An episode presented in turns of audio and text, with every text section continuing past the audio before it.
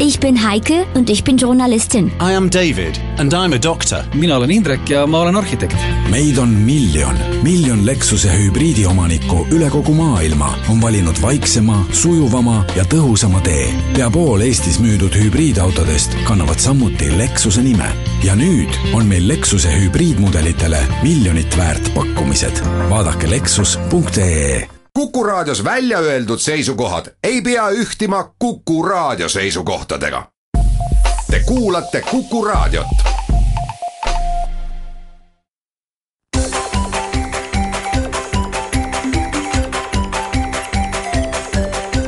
maksumaksja koostöös Eesti Maksumaksjate Liiduga. tere päevast, eetris on saade Maksumaksja, mikrofoni ees on Lasse Lehis eelmisel nädalal sai räägitud tuludeklaratsioonidest ja suuremal osal inimestest ilmselt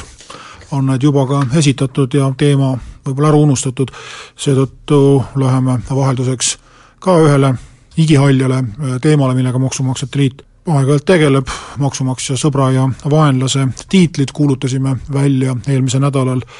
ja võib-olla mingit väga suurt üllatust ja meediakära meie valik kaasa ei toonud, mis oli ka ootuspärane, sellepärast et me teadlikult läksime kaasa ehk sellise üldise trendiga ja tunnustasime siis oma tiitliga ettevõtluse arendamise sihtasutust, eelkõige Ärma taluga, aga mõnel määral ka Eesti märgi disainikonkursiga seonduvalt, mis oli nagunii juba ajakirjanduses nii ära materdatud, et see meiepoolne kilga lisamine võib-olla tunduski juba isegi üleliigne. sellepärast ma ehk põhjendakski natukene, miks me sellise mõnes mõttes lihtsa valiku tegime. maksumaksja sõbra ja vaenlase tiitlit anname me välja juba aastast üheksakümmend üheksa ja valikute alused on olnud erinevad, võib-olla väga lihtsustatult öeldes on nagu kaks kategooriat, mille vahel me oleme oma valikutes kõikunud, üks on poliitika kategooria, teine on siis selline rohujuure tasand, ehk siis maksumaksja raha kasutamisel välja tulnud võib-olla ka siis aasta jooksul kõige kummalisemad või kõige rohkem pahameelt tekitanud kaasused, nii et me võime seda maksumaksja sõbra ja vaenlase tiitlit mõnes mõttes nimetada ka aasta sündmuse äramärkimiseks. Ja äh, mis puudutab nüüd sõbra poolt, siis äh, siin me pigem jah, tähistasimegi sündmust, nimelt me sõbra auhinda kui sellist ei andnud, andsime eriauhinna Tallinna Halduskohtu kohtunikule Kadri-Jan Nikonenile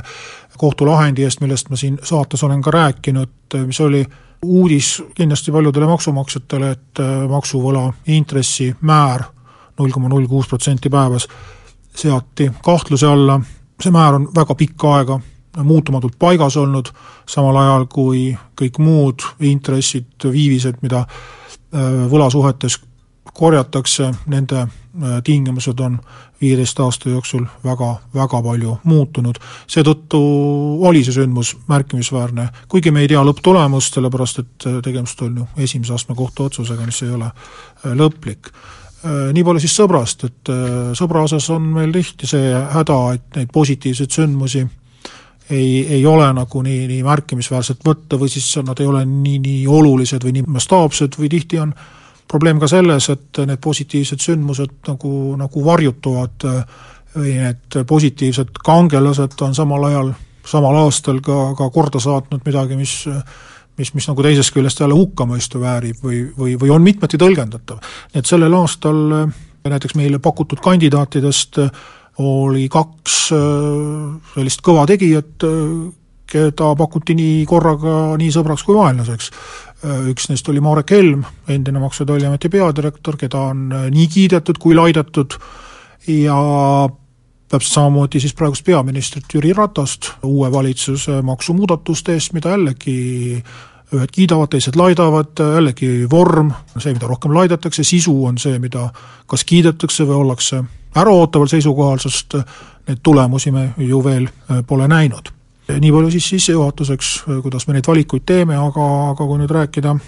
rääkida Ettevõtluse Arendamise Sihtasutusest ja Ärma talust, siis ausalt öeldes neid uudiseid ajakirjanduses on sel teemal olnud nii palju, et me äh, läksime tõesti lihtsama vastupanu teed ja, ja isegi ei vaevunud äh, nendesse uudistesse väga süvenema, sest ausalt öeldes mis sügavat mõtet ikka on siin suurt analüüsi teha, et me teame, et et anti sada üheksakümmend tuhat eurot toetust, seda toetust sihtotstarbeliselt ei kasutatud, selles osas keegi ka vastu ei vaidle, et seda talu ei olnud võimalik turismiobjektina kasutada sellest hetkest saadik, kui, kui talu peremees presidendi ametisse sai, ja seda ei ole ka nüüd võimalik turismiobjektina kasutada turvakaalutlustel ja seetõttu tuleks see raha tagasi küsida, aga seda raha küsiti tagasi ainult kümme protsenti, seda me kõik teame, aga asjale lisab vürtsi väga palju see, kuidas ikkagi täpselt neid otsuseid tehti, kes tegi, kes millal mida teada sai, kes keda mõjutas, kas äh, sellise erandi tegemine oli õigustatud või mitte, siit edasi läheb asi, asi võib-olla äh, laiemalt, et äh, kas sellisele kõrgele ametiisikule nagu president võikski erandeid teha või peaks siiski kohtlema kõiki ühtemoodi,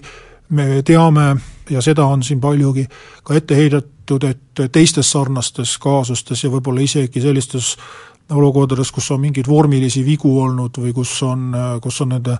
toetuse kasutamise tingimuste vastu eksitud, nii äh, olgu see EAS või olgu see, olgu see PRIA, olgu see KIK või, või mis iganes neid rahajagajaid on meil siin küll, et äh, meil on neid lugude jutustajaid siin äh, küll ja küll olnud, kes on oma lugu rääkinud, mis on hoopis teistmoodi lõppenud, kus on raha kõik tagasi küsitud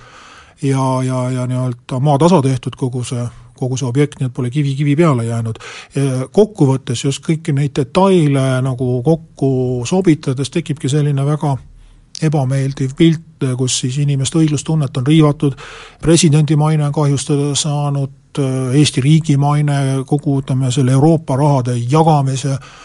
mained on nagunii halb olnud, aga ka, ka, ka üldse üldine suhtumine, et, et ongi nagu kui sul on tutvusi, kui sul on nagu kõrged ametid, siis sa ei, ei, peagi täitma neid seadusi, mis, mis tavainimestele kehtivad. ja see, see ei lähe meie maksumaksjatele sugugi peale, et me Eestis ei ole klassiühiskonnas elanud kunagi kodumaiseid mõisikke ja ja monarhe ei, ei salli silmaotsaski, eriti kui nad on veel ise hakanud äh, nii-öelda tõusikud, kes peavad ennast eliidiks, nagu me teame, kogu maailmas on eliidivastased meeleolud küllaltki suured, nii et ei ole mõtet selliste lollustega neid meeleolusid Eestis kasvatada. me lisaks Ärma taluga seonduvale tõime välja ka Eesti brändi teema, aga see, sellesse me väga tegelikult ei hakanud süvenema, et ka siin on ajakirjandus oma töö teinud ja ja avalik äh, arvamus üsna negatiivne, eelkõige just selles osas, et miks seda vaja on, et miks on vaja kakssada tuhat eurot kulutada mingisuguse äh, tööriistakasti peale, mis näeb välja nagu lammas või, või, või, või mis ta seal oli, oksendav kilpkonn ja nii edasi, võib-olla erialaspetsialistid oskavad öelda, et see ongi lahe asi ja, ja, ja väga tore ja sellest on kasu, aga noh, meie Maksumaksjate Liidus esindame pragmaatilisi inimesi ja oskame võrrelda nagu selliste maiste asjadega, et mida kahesaja tuhande euro eest on, on võimalik teha ja mida siis nii-öelda tavalised inimesed selle raha eest teevad, ma võin öelda, et meie Maksumaksjate Liidu aastaeelarve on umbes äh, sellises suurusjärgus, selle kahesaja tuhande euro eest me teenindame kaks tuhat liiget ära, umbes siis sada eurot ühe liikme kohta, me nõustame neid telefoni teel, me korraldame neile koolitusi, me varustame neid iga kuu ajakirjaga, me varustame neid äh, raamatutega, me ajame nende asja. Ja ma arvan, et meie saame aru, mida me selle raha eest oleme teinud ja et me oleme selle raha auga ära teeninud ja ka meie liikmed saavad aru, sest kui nad sellest aru ei saa, siis nad lihtsalt ei maksa meile ja meil jääb see raha saamata. ja selle kõrval ongi täiesti raske aru saada, kuidas raha lihtsalt voolab mingisuguste asjade peale, mida isegi ei vaevuta seletama, milleks neid äh, täpselt vaja on ja mismoodi. aga mõned teemad sellest veel pärast väikest pausi.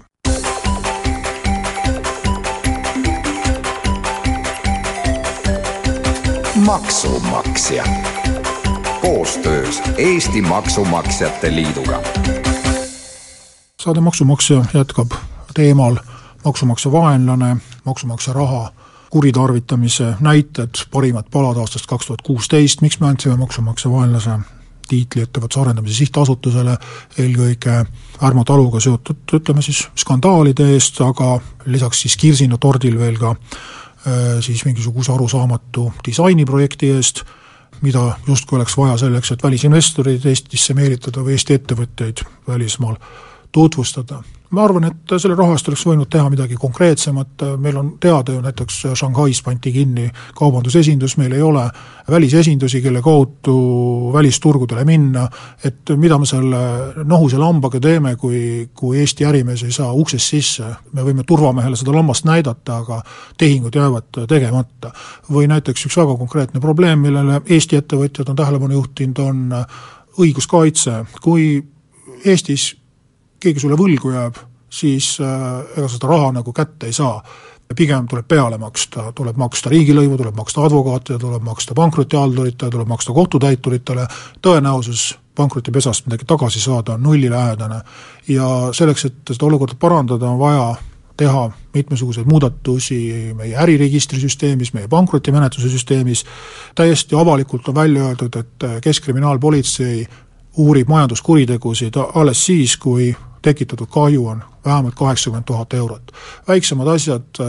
lähevad prefektuuridesse koos äh, igasuguste perevägivalla ja moosivarguste ja narkoasjadega ja kui viitsitakse, siis uuritakse, kui ei viitsita, ei uurita, minul on isiklik kogemus selles osas, kus isegi kirjavigu ei viitsitud ära parandada, kus keelduti kriminaalmenetluse algatamisest, aga see dokument, mis mulle saadeti, sisaldas hoopis kellegi teise inimese nime mingisugusest varasemast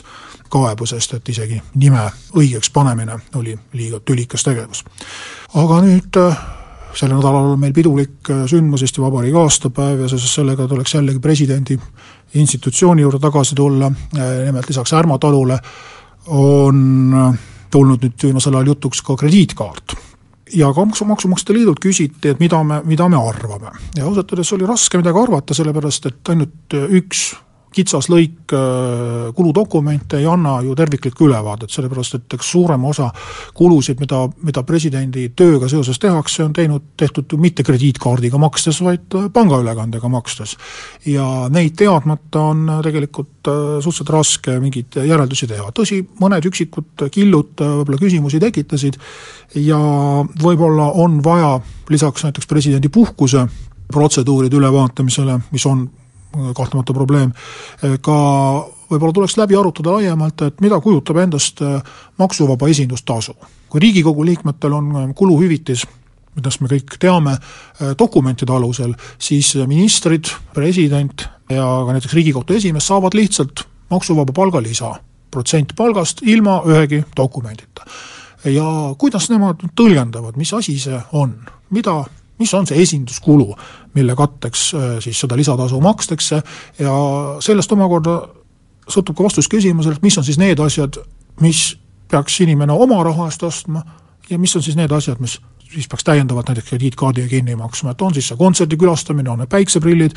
on äh, need siis, äh, ma ei tea, seal veinid hotellitoas ja nii edasi, et arvatavasti kui need asjad, need mängureeglid ei ole paigas, siis tuleks need mängureeglid paika panna. aga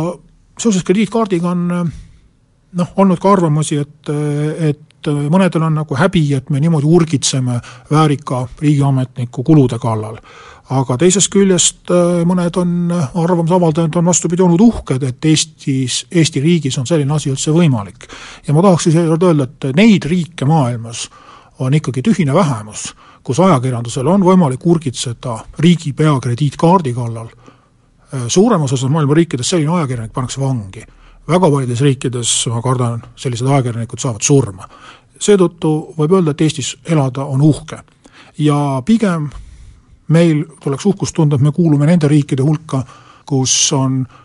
mitte nüüd ei saa öelda, et see normaalne on, aga üsna tavapärane, et võtame siin Lääne-Euroopa riikidest näiteks Prantsusmaa või Itaalia, kus on üsna, võib öelda isegi traditsioon, et endisi presidente, ministreid äh, antakse kohtu alla äh, igasuguste sigaduste eest, mis nad oma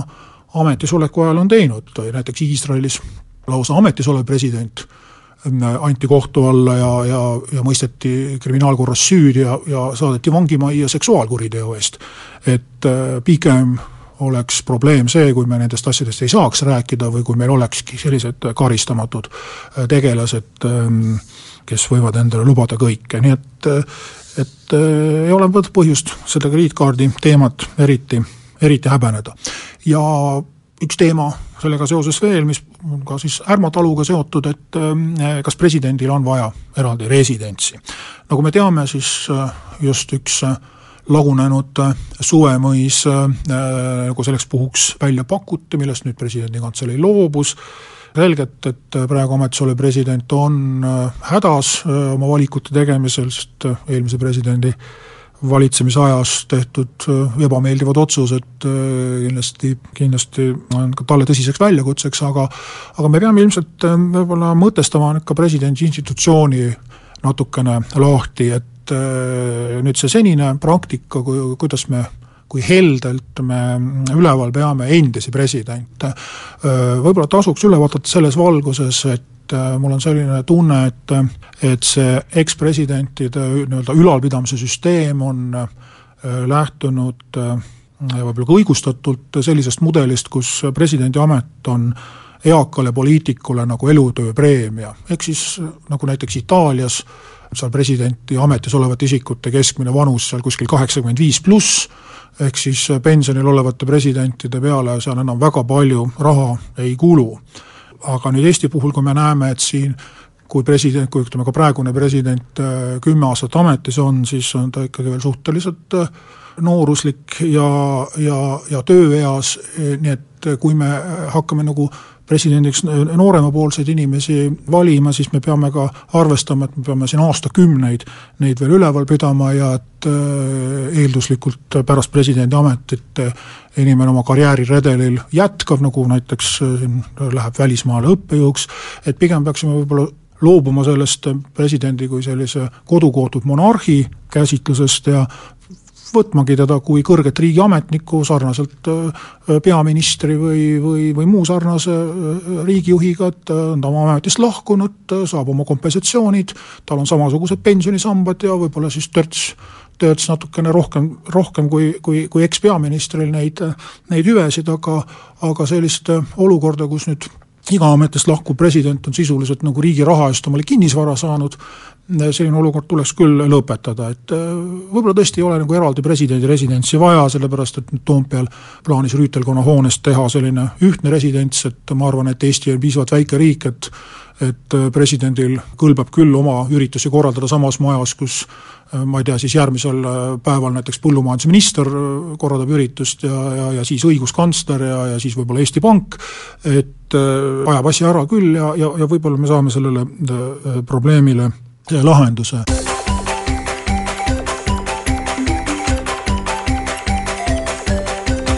maksumaksja koostöös Eesti Maksumaksjate Liiduga